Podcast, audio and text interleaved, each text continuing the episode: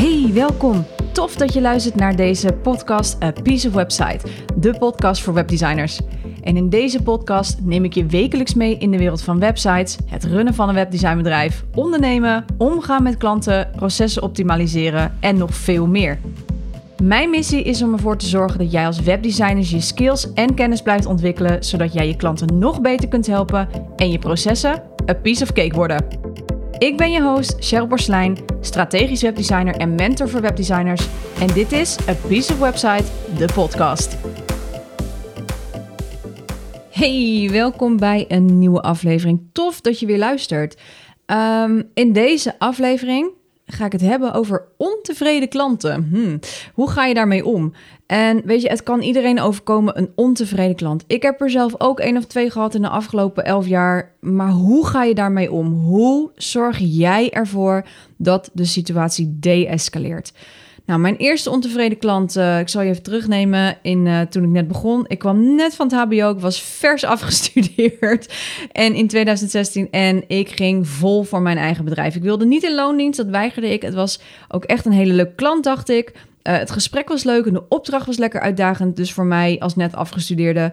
Um, dus ik dacht, hey, hier gaan we voor. Dit is leuk. Ik, ik wil dit doen. Maar ineens sloeg dat om. Aan het eind van het project kwamen er allerlei excuses waarom deze persoon niet wilde betalen. Heel vervelend natuurlijk.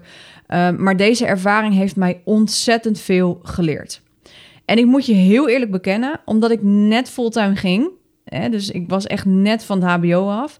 En ik geen enkel vangnet van een loondienstbaan of iets dergelijks uh, had natuurlijk. Um, waar ik zelf voor koos overigens. Was ik erg onder de indruk van deze vervelende ervaring. Ik dacht oprecht van, oh my god, dit is het einde van mijn carrière. Dit is het. Ik ben net begonnen, kan alweer stoppen. Um, ik was niet goed genoeg, gaat het ook nooit meer worden. Noem het allemaal maar op. Ik denk dat ik oprecht vijf dagen achter elkaar gehuild en slecht geslapen heb. Um, en dat kwam allemaal uh, omdat deze persoon echt van kwaad tot erg ging. Ik ga je de details besparen. Wil ik ook helemaal niet. Dit is een hoofdstuk wat ik heb afgesloten. Dus uh, het is voor mij niet noodzakelijk om dat nu terug te pakken. Maar dat gevoel, dat is wel iets waar, je, waar waarschijnlijk jij, als je een ontevreden klant hebt, ook echt wel herkent. Dat je echt merkt van crap, wat moet ik hiermee doen? Want uiteindelijk is deze, uh, deze zaak met een, uh, dit project moet ik zeggen, met een scissor afgelopen. En ik heb alsnog betaald gekregen. Omdat ik dus toen al mijn algemene voorwaarden en mijn opdrachtsovereenkomsten zo goed in orde had. Dus er was geen poot om op te staan voor deze persoon om niet mijn factuur te betalen. Maar toch blijft het heel vervelend, zo'n klant. En hoe ga je daar nou mee om? Nou, mijn eerste tip gaf ik al net een beetje weg. Zorg dat je dus alles zwart op wit hebt. Maak geen belangrijke telefonische afspraken als er iets gebeurt, heb je altijd iets om terug te vallen. Dus uh, altijd, als je afspraken maakt, stuur een mail na. Um, laat de persoon ook echt schriftelijk een akkoord opgeven. Laat het ondertekenen of vraag in de mail of zij een groen licht willen geven en bewaar die mail goed. Want dat is echt heel erg belangrijk. Dan heb je iets om op terug te vallen en dat kan je oprecht rust geven. En uiteraard is dit geheel afhankelijk van de situatie. Dus hier meteen ook bij mijn tip 2 is... in dit geval had ik recht op dat geld. Uh, maar het kan ook zijn dat ik zelf misschien om wat voor reden dan ook niet de opdracht was nagekomen. Ja, dan had ik het gewoon moeten laten gaan. Dan had ik pech gehad en dan had ik inderdaad moeten zeggen: hé, je hebt gelijk, uh, mijn schuld, je hoeft niet te betalen. Dit is voor jou heel erg belangrijk. Is kijk goed wat je belooft en wat je uitvoert. Alles wat je belooft, tip 2 dus, alles wat je belooft moet je waarmaken. En in principe kun je dan eigenlijk bijna niets verkeerds doen. Um, of je hebt altijd iets te bewijzen. Hè? Dus van dat je kan zeggen: hey, maar we hebben dit afgesproken. Dit is inderdaad wat ik heb gedaan. Kijk maar, dit en dit en dit heb ik gedaan. Heel belangrijk dus. Dus doe wat je belooft en laat ook zien dat je doet wat je belooft. Dat is ook echt een hele fijne. Tip 2a, tip 2b. maar um, ondanks dat ik het nu een beetje lacherig uh, vertel, is het wel een heel belangrijk iets om, um, ja, om gewoon te doen. Weet je, nog te vaak hoor ik van ja, ik had dit, dit gevraagd. En vervolgens uh, hebben ze de, het, het afgesloten en heb ik het niet gekregen. Ik vind dat zonde en dat is ook helemaal niet nodig. Uh, zorg dan dat je een aanbod creëert wat je zeker weet, of een tijdspad wat je zeker weet dat je dat kan beloven. Als het niet kan en je kan het niet nakomen, dan zou ik teruggaan naar de tekentafel. Tip 3 is ook een hele belangrijke. Eigenlijk zijn alle tips natuurlijk belangrijk, maar dit is ook een, een eentje waar ik van dit soort situaties enorm van heb geleerd, is hou het altijd bij jezelf. En dit is voor heel veel ondernemers ontzettend moeilijk. Ik zie het ook bij mijn eigen mentees. Ik zie het bij mijn klanten die ik help met een website. Een klant die ontevreden is, is emotioneel. Emotioneel betekent dus irrationeel. En dat is dus een soort fit. Hè? Dus mensen krijgen een soort throwing a bitch fit, noem ik het altijd. Als mensen ontevreden zijn, gaan ze soms dingen zeggen. Ik zie het ook bij mijn eigen vader bijvoorbeeld, of bij mijn moeder of iemand in de familie. Dat ze soms dingen zeggen die als een persoonlijke aanval gezien kunnen worden. Emoties kunnen dingen veel zwaarder maken dan nodig is. En daarom is het heel belangrijk dat je die emoties gaat onderscheiden. Is het jouw emotie of is het een projectie van jouw ontevreden klant? Als het jouw emotie is die erop zit, doe dan even een stap terug. Laat het afkoelen en pak het daarna weer op. Is het een projectie van die klant op jou? Laat het dan zoveel mogelijk bij die persoon. En belangrijk is, is dat je dus niet in die emotie gaat zitten van de ontevreden klant. En natuurlijk is het makkelijker gezegd dan gedaan. Heb ik ook moeten leren. Maar waar het om gaat, is dat het niet om jou gaat. Het gaat om jouw werk. Niet jou als persoon. Het gaat om je opdracht die niet goed is uitgevoerd. Alleen mensen reageren daar emotioneel op. Hou het daarom altijd bij jezelf. Geef aan dat je de persoon begrijpt en dat je de situatie heel erg vervelend vindt, want dat is het ook gewoon. Laat hierbij ook empathie zien. En let op, empathie is iets heel anders dan meningen smijten, emoties erin gooien, wijzen, schuld dit, zo, etc. Empathie is echt puur laten zien of horen dat je die andere persoon begrijpt en aanhoort. En on that note gooi ik meteen tip nummer 4 erin. Bel met deze klant. Wat ik wel zei bij tip 1 is afspraken maak je op papier. Die kun je achteraf dus via de mail sturen en om akkoord vragen. Maar emotionele zaken kun je het best bespreken over de telefoon. Waarom? Omdat tekst heel anders kan overkomen dan een stem. In een tekst kun je je eigen emotie neerleggen. Dus als jij zeg maar al gefrustreerd bent om het feit dat een klant ontevreden is en je denkt ja shit, dit is een ik voel me persoonlijk aangevallen, dan zul je die mail ook ook opnemen als een persoonlijke aanval en zal dat nog erger je frustratie verhogen. Dus je legt je eigen emotie in een tekst, terwijl waardoor een mail dus veel harder kan aankomen dan eigenlijk de persoon die hem wilde sturen of die hem gestuurd heeft, uh, het wilde voorzien, zeg maar. Dus dat het, dat het niet de bedoeling was dat het zo hard overkwam. Maar omdat jij ook je eigen emotie eroverheen knalt, uh, komt het dus harder aan. Waardoor je dus eigenlijk weer olie op het vuur gooit. Dus je, je, je escaleert daarmee, zeg maar, de, de situatie. Dus daarom, hoe eng het ook is, want dat is, het is eng, echt waar. Maar ga het gesprek aan. Bel die persoon op. Wees, jij bent de zaak. Het is zakelijk. Hè? Het gaat hier om een zakelijke transactie. Niet emotioneel. Het gaat hier om een zakelijke transactie. Dus hoor die persoon aan. Hoor hoe het wordt gezegd, dus hoe de persoon bepaalde dingen zegt. En belangrijk is, luister goed. Laat elkaar goed uitspreken. Soms is het heel awkward dat je even twee seconden van die awkward silences laat vallen. Van die twee seconden even uh, stilte laat vallen. Want soms kan het zo zijn dat die persoon nog even aan het nadenken is van... Uh, hey, ik wil hier nog iets extra's over zeggen. Of hey, er komt me net iets te binnen waar ik nog, wat ik nog wil toevoegen. Dus laat elkaar goed uitspreken. Geef aan dat je deze persoon hoort en dat je het begrijpt. Maar hou het bij jezelf. Dus wat ik net zei, don't throw a bitch fit, zeggen we dan. Ga niet verwijten, is niet nodig. Jij deed zo, jij deed dit. Nee, want dat is hoe we op de kleuterschool met elkaar in gevecht zijn gegaan, omdat jij misschien mijn blok had omgegooid, weet je wel? Ik hoor je lachen en ik lach er zelf ook om, maar het is echt zo. Emoties maken dingen zwaarder, terwijl dat dus eigenlijk helemaal niet hoeft.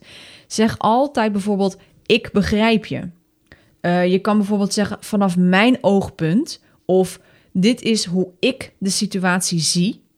Uh, je kan het heel neutraal houden door te zeggen, dit is wat er is aangereikt, klopt dit niet? Was dit niet de juiste informatie? Etcetera.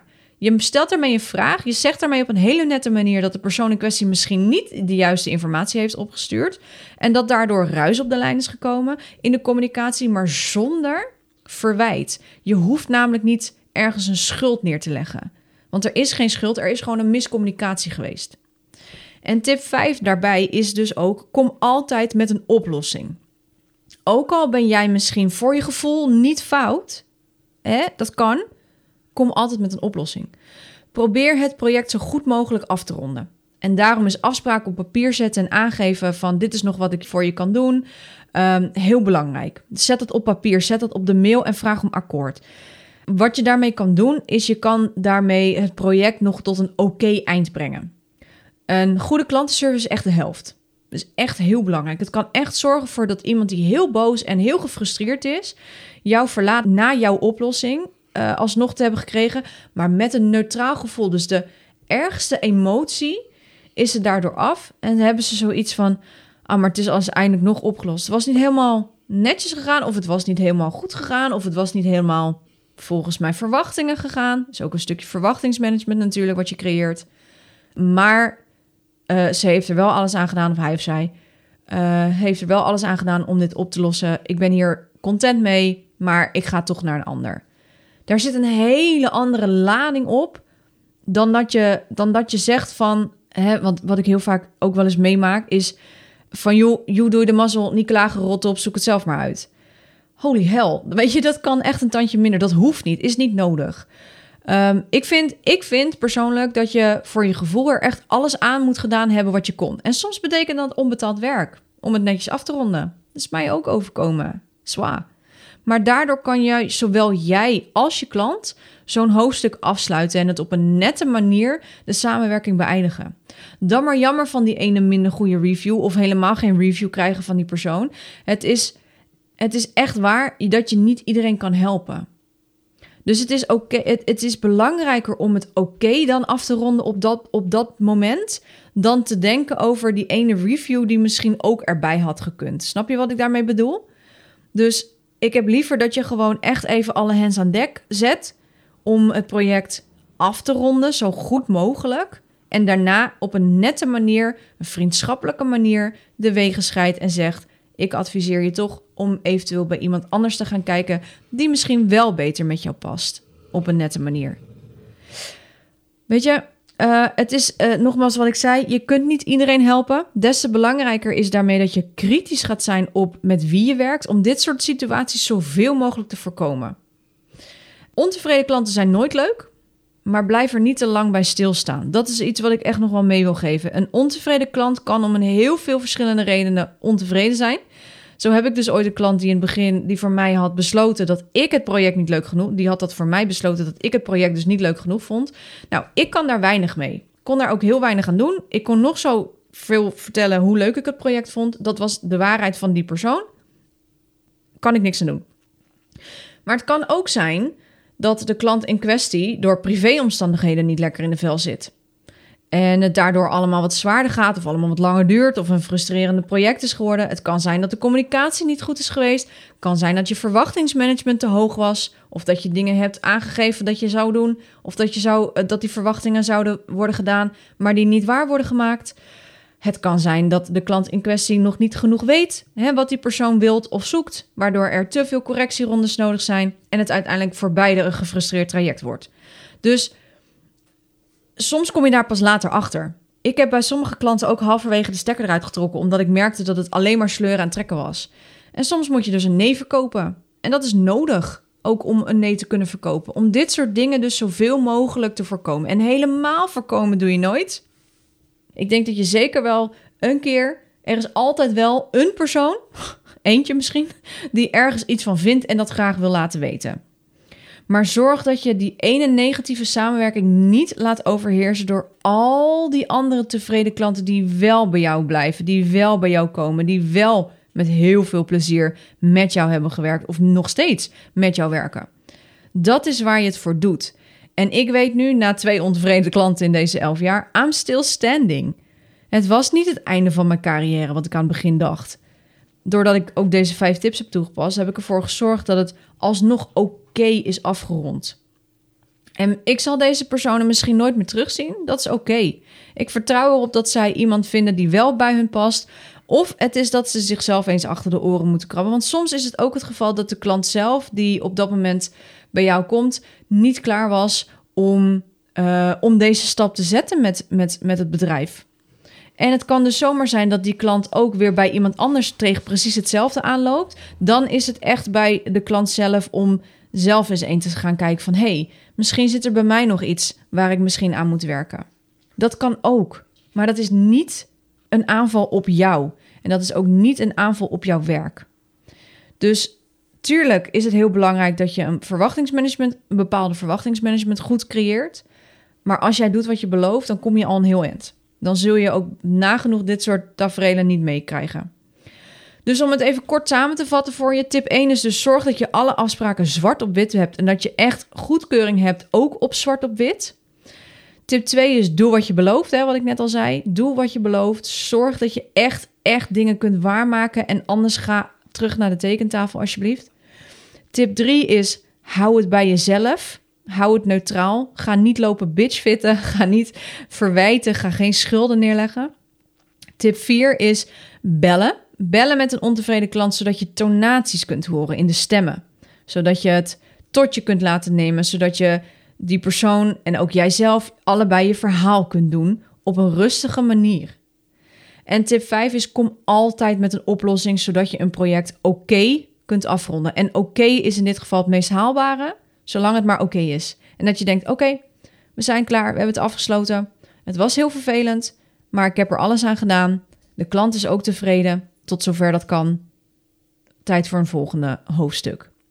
Oké? Um, ik hoop dat je wat hebt gehad aan deze vijf tips. Ik uh, ben wel eens benieuwd, heb jij wel eens met een uh, ontevreden klant te maken gehad? En zo ja, wie weet heb jij nog extra tips om hiermee om te kunnen gaan? Laat het mij gerust weten. Stuur mij bijvoorbeeld even een DM'tje via @cherylporselein op mijn Instagram. Of uh, je kunt ook een comment achterlaten op deze aflevering via mijn website, apieceofwebsite.nl. Ben ik echt, ben echt oprecht wel benieuwd hoe jij hierin staat. Voor nu ga ik deze aflevering afsluiten. Ik uh, wens je een hele fijne dag, uh, succes en uh, tot de volgende aflevering. Doeg! Thanks for listening. Wil jij je skills verder uitbreiden of verdiepen, je processen optimaliseren en simpel en effectief willen leren werken? Dan is het mentorship voor webdesigners perfect voor jou. In dit zes maanden durende één op één traject krijg je een volledig kijkje bij mij in de keuken. Ik ga samen met jou diep op de materie in op de onderdelen waar jij op vastloopt. Denk aan proces, goed feedback leren ontvangen, hoe je bepaalde designkeuzes maakt op basis van die informatie die je ontvangt, maar ook hoe jij je klanten nog beter kunt helpen met bijvoorbeeld het schrijven van goede teksten, hoe jij je adviesrol kunt inzetten en hoe je lange termijn trajecten kunt aangaan. Nou, dit allemaal doe ik op basis van mijn eigen webdesign procesformule die uit vijf fases bestaat en dat is research, design, build, launch en grow. Wil jij weten of dit traject perfect is voor jou? Let's talk about it. Plan direct een afspraak in via mijn digitale agenda op www.cprecision.nl/slash mentorship voor een vrijblijvend intakegesprek.